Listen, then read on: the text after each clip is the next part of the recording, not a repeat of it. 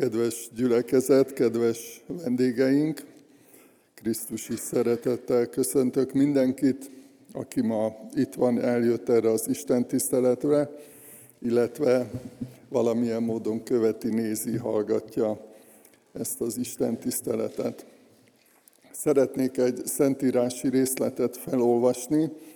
A jelenések könyvéből a 22. fejezet 6 versétől kezdődő szakaszt, azt kérem, hogy fennállva hallgassuk meg ezt az igét. A jelenések könyvéből a 22. fejezet 6. versétől így hangzik Isten igéje.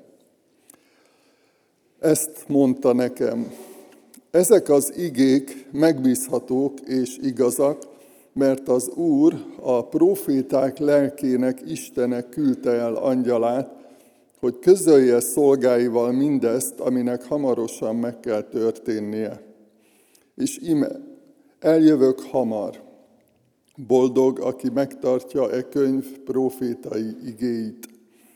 Én, János, hallottam és láttam ezeket, és amikor hallottam és láttam, leborultam az angyal lába előtt, hogy imádjam őt, aki megmutatta nekem ezeket.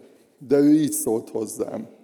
Vigyázz, ne tedd, mert szolgatásad vagyok neked és testvéreidnek, a profétáknak és azoknak, akik megtartják-e könyv igéit. Az Istent imád. És így szólt hozzám.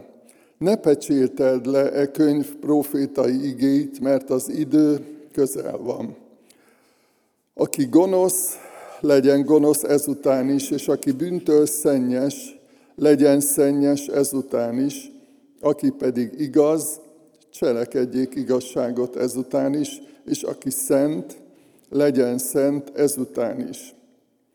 Ime eljövök hamar, velem van az én jutalmam, és megfizetek mindenkinek a cselekedete szerint. Én vagyok az alfa és az omega, az első és az utolsó, a kezdet és a vég.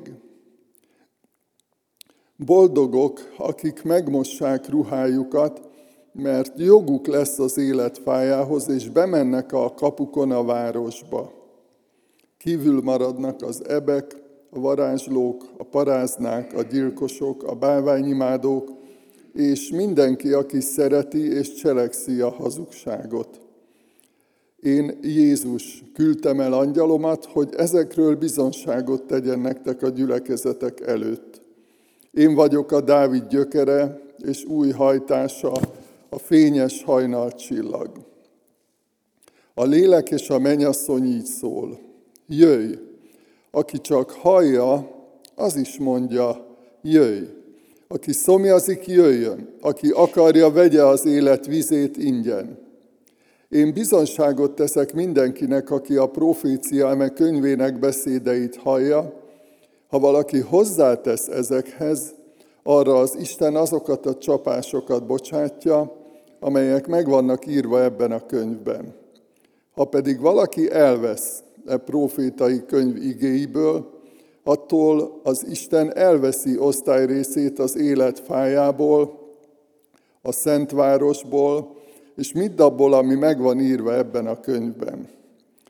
Így szól az, aki ezekről bizonságot tesz, bizony hamar eljövök.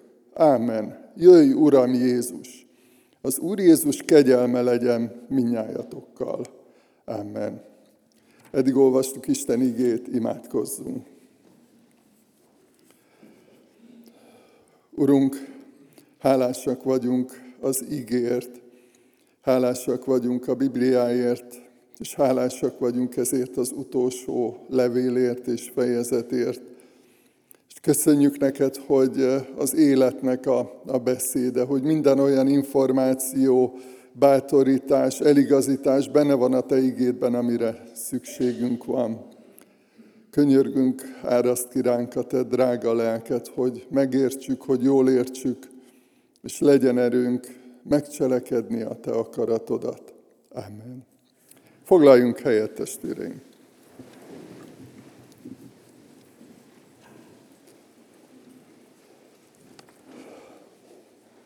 Kedves gyülekezet, kedves testvéreim! Általában az Isten tisztelet végén szoktuk azt elmondani, hogy az Úr közel, ezt legtöbbször egyedül szoktam mondani, és ugye az a válasza a gyülekezetnek, hogy jövel Uram Jézus. És ugye lehet, hogy van, aki meglepődött, amikor olvastuk ezt a részt a Bibliából, mert hogy ez nem egy újkori, vagy nem egy baptista hagyomány vagy szokás, hanem a korai kereszténység óta, tehát az első gyülekezet születése óta a, az Isten tisztelet menete, vagy idegen szóval liturgiája tartalmazta ezt a mondatot, és nem csak advent időszakában, nem csak akkor, amikor hangsúlyozottan és gyakranban és többször beszélünk arról, hogy az Úr Jézus vissza fog jönni, vissza fog jönni ebbe a világba, látható, érthető módon megmutatja magát, és eljön újra a tanítványaiért. Ráadásul, ugye most egy úrvacsorai közösségre készülünk, abban vagyunk, és Egyébként az első gyülekezetben ugye tudjuk a Szentírásból, hogy nem feltétlenül egy hónapban egyszer volt úrvacsorai közösség, hanem volt, amikor gyakrabban, és olyan is volt, amikor házanként, vagy mai fogalmaink szerint a házi csoportban, vagy a házi közösségben is úrvacsorai közösségben voltak, de hogy különösen az úrvacsorai istentiszteleteken, ahogy megemlékeztek az Úr Jézus szenvedéséről és haláláról, és előre tekintettek, mert hogy az Úr Jézus azt mondta, hogy majd újat iszom veletek az én atyám országában, és ebben az előretekintésben is benne volt az, hogy igen, jönni fog az Úr Jézus, és együtt vagyunk vele, együtt leszünk vele, akkor is, illetve ez a kapcsolat, ez a közösség akkor kiteljesedik, teljessé válik. Várjuk Jézus Krisztust. És ebben a szakaszban, ebben a levélben is olvasunk arról, hogy milyen fontos támpontok vagy szempontok vannak az Úr Jézus visszajövetelével kapcsolatban, amire figyelnie kell a gyülekezetnek, a tanítványi közösségnek. Az is igaz, hogy ezek a gondolatok gyakran előkerülnek. Olvassuk több helyen is a Bibliában ezeket a szempontokat vagy segítségeket előkerülnek, különösen az adventi időszakban újra és újra, évről évre, és ugye az egyik titka, meg öröme az Isten igének, hogy akkor is, ha sokatszor halljuk és olvassuk, nem, nem unjuk meg, tehát nem unalmas az Isten igéje, és ezek a bátorítások, vagy figyelmeztetések, vagy támogatás, ami benne van ezekben az üzenetekben és abban is hiszünk, és az is a tapasztalatunk, hogy számtalanszor történik olyan, hogy olvasunk egy egyébként jól ismert bibliai gondolatot, és most, ebben a pillanatban szíven talál, elgondolkodtat, döntésre hív. Tehát személyesen érint minket, és tudom, hogy sokszor vagytok így, és egyébként igehirdetőként, szolgálattevőként is ez gyakran előfordul, hogy amikor mondjuk én is a padokban ülök, vagy a székekben, és hallom az Isten igét, ahogy mások mondják, magyarázzák, vagy egy bizonságtételt, vagy hallom az imádságaitokat, akkor így megszólít az Isten, személyes gondolata, üzenete van ebben. Az első ilyen bátorítás, amit egyébként úgy gondolom, hogy sokszor hallottunk, de most ebben az igében egy nagyon fontos szempont, hogy hogyan várjuk az Úr Jézus visszajövetelét, hogy szeresd az igét, hogy fogad be az Isten igét, az Isten üzenetét. Ugye Isten igéje a Szentírás, az Isten szava. És amikor uh, Isten mondott valamit, üzent valamit, kinyilatkoztatott valamit, akkor azt nekünk szánta, nem csak általánosságban véve valamiféle alapelvet mondott el az Isten, hanem mindig ott lebegtünk és lebegünk a szemei előtt, a szívében ott vagyunk, hogy igen, ezt nekem is, most itt névsort olvashatnánk, de nem szoktuk tenni, Isten tisztelet keretében, hogy, hogy tényleg az a meggyőződésünk és tapasztalatunk, hogy Isten megszólít. Szeresd az igét. Eljövök hamar, üzente az Úr Jézus. Boldog, aki megtartja a könyv profétai igéjét. Ezt is sokszor hallottuk már. Mit jelent megtartani az igét? Egyrészt megismerni, mondhatjuk úgy is megtanulni, nem véletlenül tanulunk ilyen bibliai idézeteket, gondolatokat, súlykoljuk magunkba is, egymást is bátorítjuk arra, hogy tanuljuk ezt az igét. És azért is gyakoroljuk, és többször olvasjuk, hogy rögzüljön, hogy az Isten igéje, ahogy írja Pálapostól, hogy Krisztus beszéde lakjon bennetek gazdagon. Tehát, hogy sok isteni ige, gondolat, üzenet lakjon bennetek a ti tudatotokban, a ti szívetekben. Megígérte Isten, hogy beleírja a szívünkbe, tehát az új szövetség ígéretének a lényege, a Szentlélek ajándékainak egyik legfontosabb része az, hogy Szentlélek által beleírja a szívünkbe az igét, és tudom, hogy ezt is sokszor átéltétek különböző élethelyzetekben, hogy Isten a Szentlélek által eszetekbe juttatott egy igét, amire éppen akkor is ott nagyon nagy szükségetek volt.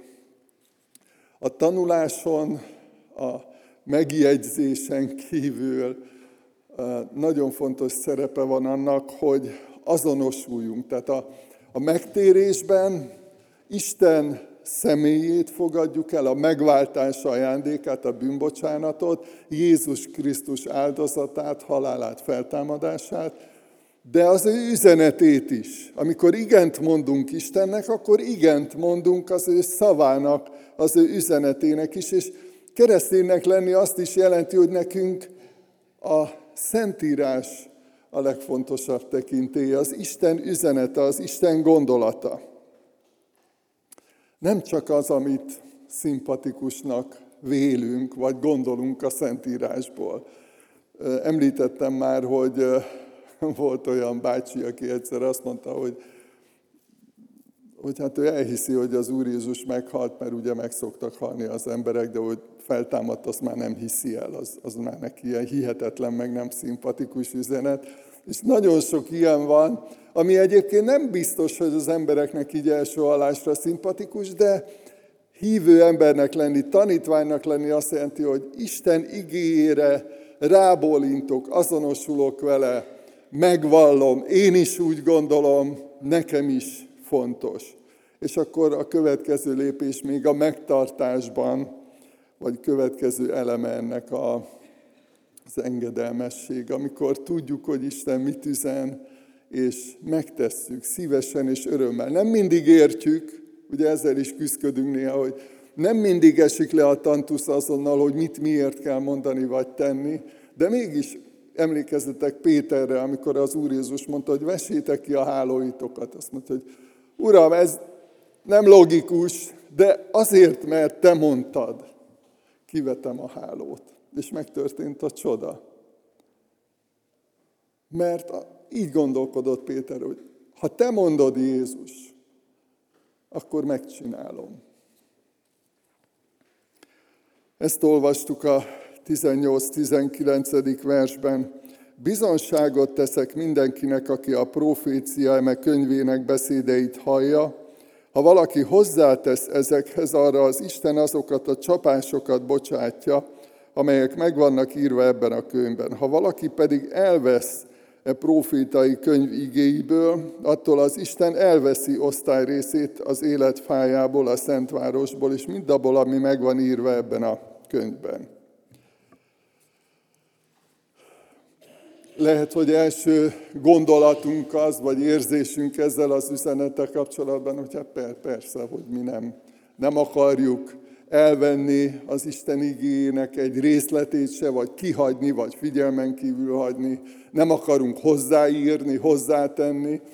De azt is tudjuk, hogy már a bibliai korban, az első gyülekezetek történetében és az egyház történelemben sajnos nagyon gyakran találkozunk azzal a jelenséggel, azzal a valósággal, hogy, hogy Isten igéből vagy elvettek valamit, vagy hozzátettek valamit. Néhány rövid példa, hogy lássuk, hogy mire gondolt itt az Úr Jézus.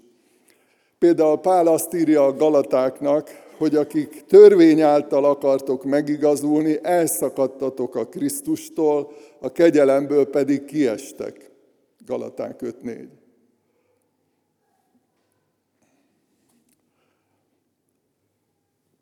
Így képzelhetjük el, hogy ugye az ember Istenhez vezető útja kétféle lehet. Az egyik a törvény, a másik a kegyelem útja. De nem volt, még nem született még olyan ember a földre Jézus Krisztuson kívül, aki a törvényt maradéktalanul, tökéletesen, teljesen be tudta volna tartani. Ezért is volt szükség a megváltásra. Nem lehetett a törvény útján eljutni, mert képtelenek voltunk rá a gyengeségeink, a, a hiányosságaink miatt, a bűneink miatt. De a kegyelem útján mindenki eljuthat az Isten megismerésére, eljuthat arra a boldog örömre, hogy tényleg örömmel várjuk vissza az Úr Jézus Krisztus visszajövetelét. És voltak olyanok, ugye ebből az üzenetből kiderül, akik azt mondták, hogy jó, jó, kell Krisztus, kell a bűnbocsánat, de azért a törvény is, és a törvényhez kapcsolódó szertartások, most ezeket nem akarom felsorolni, hozzá tettek valamit. És hogyha valakit érdekel ez a téma bővebben, akkor érdemes elolvasni a Galatákhoz írt levelet. Néha elég ijesztően fogalmaz Pálapostól a mi kultúránkban, elég megdöbbentő szavakat, kifejezéseket használ, de nagyon határozottan fellép ellen, hogy ne tegyetek már hozzá ahhoz, amit Krisztus ajándékba adott nektek. Ne gondoljátok, semmilyen szempontból ne gondoljátok azt, hogy, hogy szükség van másra ilyen értelemben. Vagy néhány évszázaddal később a búcsú cédulák, vagy a bűnbocsátó cédulák, sokféleképpen mondják, nevezik ezeket a cédulákat. A pénzért megvehető bűnbocsánat, ez volt a lényege. Ez más, ez hozzá tétel ahhoz, amit Krisztus adott. Csodálatos ajándék és csodálatos érték. És az a megrendítő egyébként, hogy itt keresztényekről van szó. Tehát nem valamiféle pogány, el, elvakult dologról, hanem, hanem olyanokról, akik a keresztény közösségbe tartoztak. És kitaláltak egy ilyet, hogy jó, hát kell Krisztus, de még egy kis pénz is kell hozzá, veszel egy kis búcsúcédulát, akkor biztos, hogy a mennyországba jutsz. Vagy néhány, illetve kettő mai példa. Így, röviden így szoktuk mondani a siker evangélium. Mikor azt mondják, hogy ha igazán hiszel, akkor minden betegség és minden anyagi probléma elkerül, csak sikereid lesznek, nem lesznek problémáid, nem lesznek gondjaid az emberi kapcsolataidban sem, az üzletedben sem. És tudjuk, hogy ez is egy olyan hozzáírás az Isteni igazsághoz, ami szélsőség, enyhén fogalmazva.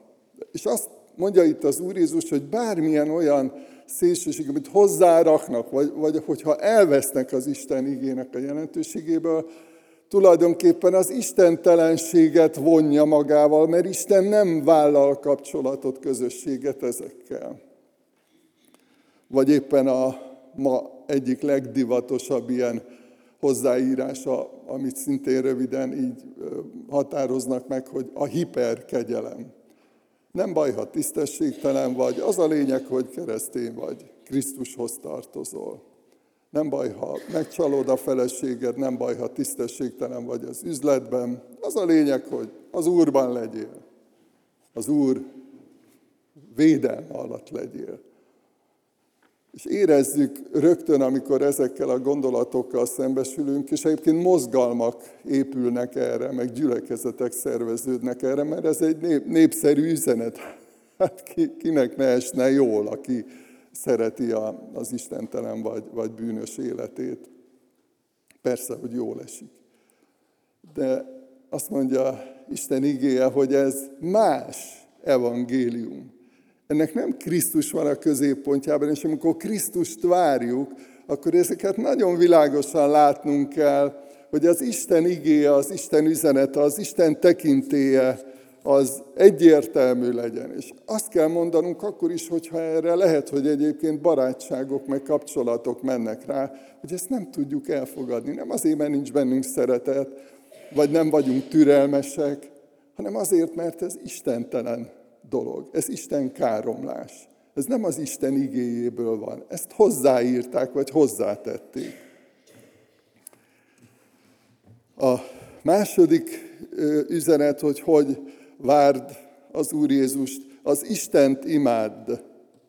Ugye a látomásban ezt írja János apostol, hogy hallottam és láttam ezeket, és amikor hallottam és láttam, leborultam az angyal lába előtt, hogy imádjam őt, aki megmutatta nekem ezeket, de ő így szólt hozzám, vigyázz, ne tedd, mert szolgatársa vagyok neked és testvéreidnek, a profétáknak és azoknak, akik megtartják-e könyv igéit, az Istent imád. És erre is van bibliai példa, meg azóta is nagyon sok példa a, a történelemben, hogy mást imádtak, mint Istent. Csodálatos gyógyulás történt Lisztrában, és Pálapostolékat imádni akarták, oltárt akartak nekik készíteni. És tiltakoztak, kiabáltak, kiáltottak, ezt olvastuk, hogy emberek, miért teszitek ezt? Mi is hozzátok hasonló emberek vagyunk. Az evangéliumot hirdetjük nektek, hogy térjetek meg ezekből a hiába való dolgokból Istenhez, aki teremtette az eget és a földet, a tengert, és mindent, ami bennük van. Térjetek meg, Istent imádjátok előtte boruljatok le. Csak az Istent imád. Ma egyébként nagyon érdekes, ugye a közösségi médiában is, hogy eh, amikor valamire reagálunk, vagy reagálási lehetőségünk van, akkor eh, nekem is sokszor följön egy ilyen kis, hogy imádom, és akkor így összerezzenek, hogy hát örülök, meg szeretem, de hogy hát nem imádom, de annyira benne van már ez a köztudatban, a, a szóhasználatunkban, hogy hát imádom. És nagyon világos tanítás és segítség ebben ez, hogy sem tárgyak, sem kütyük, sem programok nem vehetik el, amire időt áldozunk, nem vehetik el az Isten jelentőségét. Pál azt írja a filipieknek, vannak olyanok, akiknek a hasuk az Istenük, Istenük. Tehát, hogy hogy a választék az végtelen, hogy nagyon sok minden van, ami megpróbálja átvenni az Isten helyét a mi értékrendünkben, hogy mielőtt borulunk le, mi az, aminek igazán jelentőséget, fontosságot tulajdonítani, vagy a vallásoskodó cselekedetek. Van, akinek a zene az Istene, és az, az előtt borul le, az a fontos neki. Rengeteg minden van, most ebben nem akarok többet ö, időt tenni a van egy ilyen könyv, hogy bálványaink, hogyha valaki szeretne ebben elmélyedni, akkor azt a könyvet is a Szentírás után érdemes elolvasni.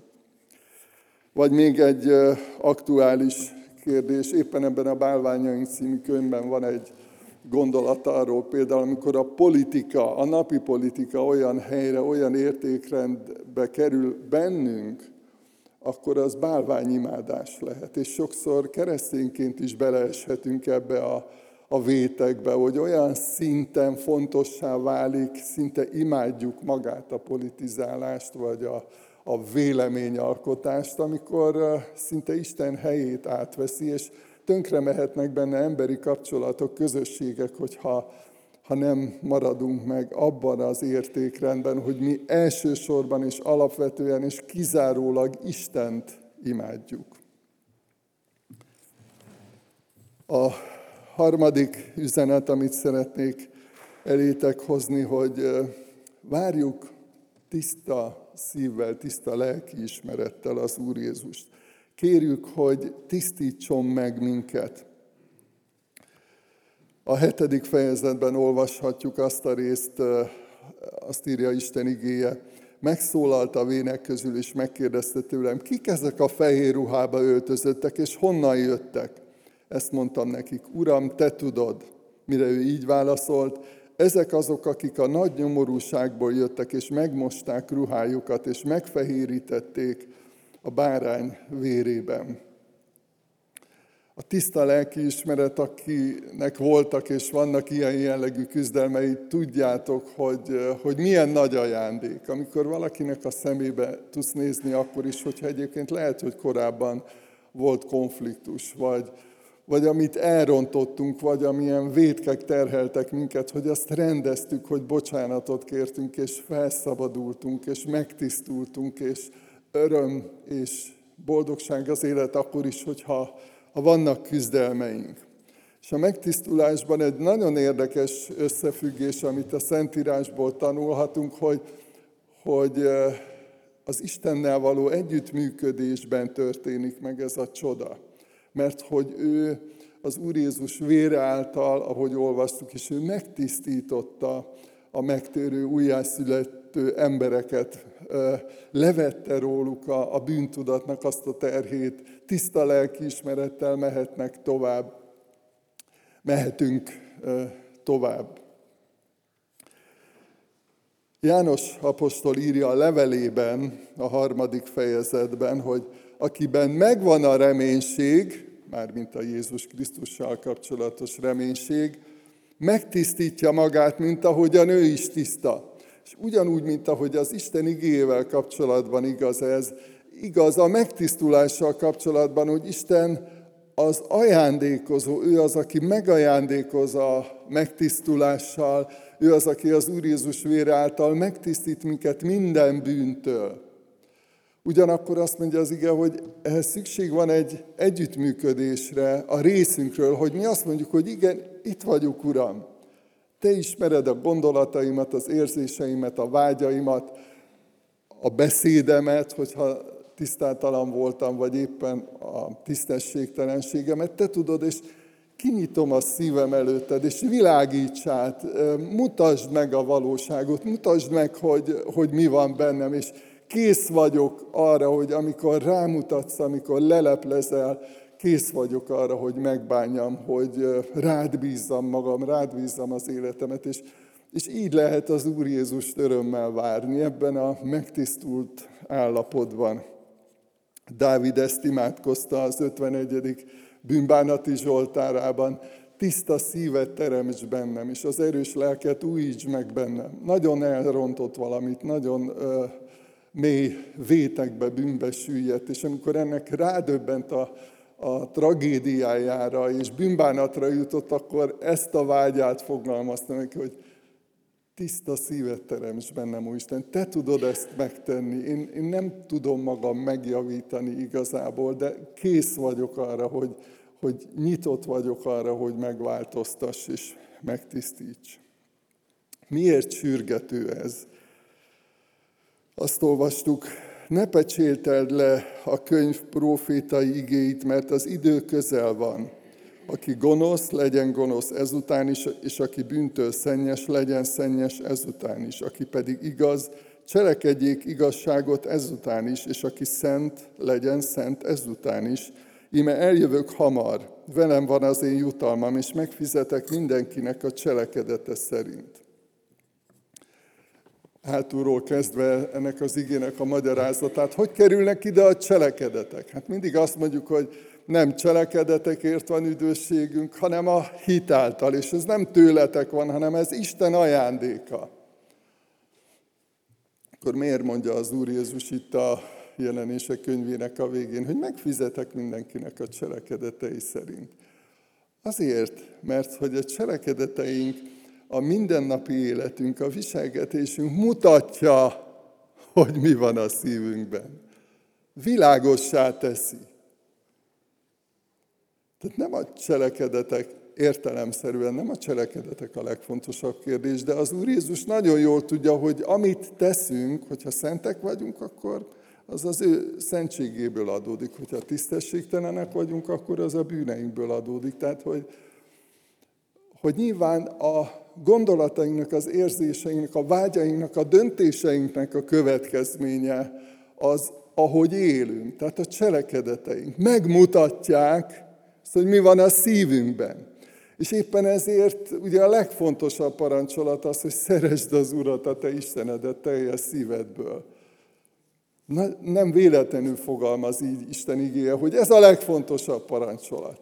És nem onnan kell indulnunk, hogy akkor most három és fél jó cselekedetet kell tennem minden nap, mert akkor biztos, hogy jó keresztény vagyok. Nem ebből az irányból kell indulni, hanem az Istennel való közösségből. És gondoljatok arra, hogy nem régen hallottuk ezt is az igében, hogy jöjjetek én hozzám minnyáján. Tehát Jézus magához hív a vele való beszélgetésbe, a vele való valóságos közösségbe.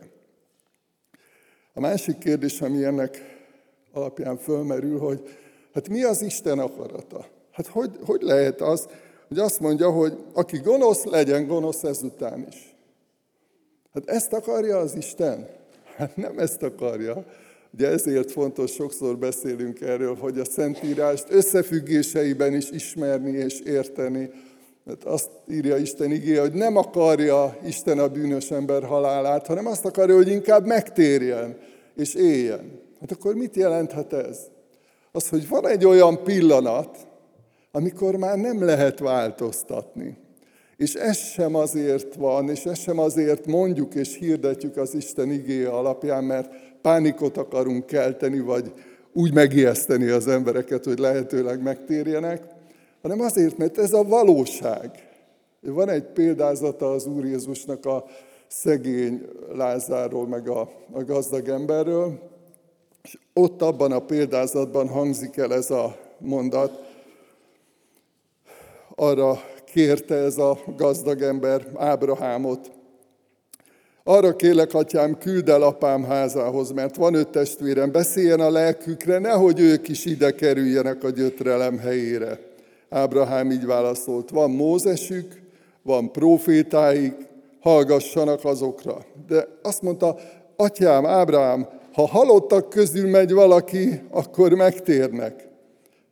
Azt mondta erre Ábrahám, ha Mózesre és a profétákra nem hallgatnak, az sem győzi meg őket ha valaki feltámad a halottak közül. Nem akarja Isten a bűnös ember halálát, de ez az üzenet azt jelenti, hogy ha megmaradunk az istentelenségben, akkor az lesz a folytatása. Éppen azért az elsődleges, amire hív minket, az, hogy tisztulj meg. Boldogok, akik megtisztítják magukat a bárány vérében. Vágyakozz a Krisztussal való közösségbe. Pál apostol azt írja a Filippi gyülekezetnek, hogy vágyom elköltözni és Krisztussal lenni, mert az mindennél jobb. És azt gondolom, hogy nem azért mondta, hogy ő vágyik az Úr Jézussal való ilyen közösségre, vagy vágyik az elköltözésre, mert elege volt mindenből, elege volt az emberekből, elege volt a földi életből, hanem azért, mert annyira jó, Jézus Krisztussal közösségben lenni. Olyan nagy ajándék, olyan értékeket, olyan teljességet hoz az életünkbe, ami minden értéknél nagyszerűbb, és minden értéknél fontosabb. Az Úr Jézus vár ebbe a kapcsolatba, ebbe a közösségbe minket, és amikor úrvacsorát veszünk, akkor bennünk ez a motiváció, ez az indíték van, és szeretnénk újra Jézus Krisztusra gondolni. Szeretnénk emlékezni, emlékeztetni magunkat arra, hogy ki ő, hogy mit tett értünk. És gondoljunk Jézusra, aki szintén elmondta, hogy vágyom elkölteni velük a vacsorámat. Tehát ő is szeretné. Tehát ez nem egy emberi, egyoldalú kapaszkodás vagy törekvés, hogy mi Jézussal akarunk lenni, hanem ebben a csodában az a valóság, hogy találkozik a teremtő és a teremtmény, találkozik az Isten és az ember, találkozik a megváltó és a megváltott bűnös ember. Adjunk most hálát ezért.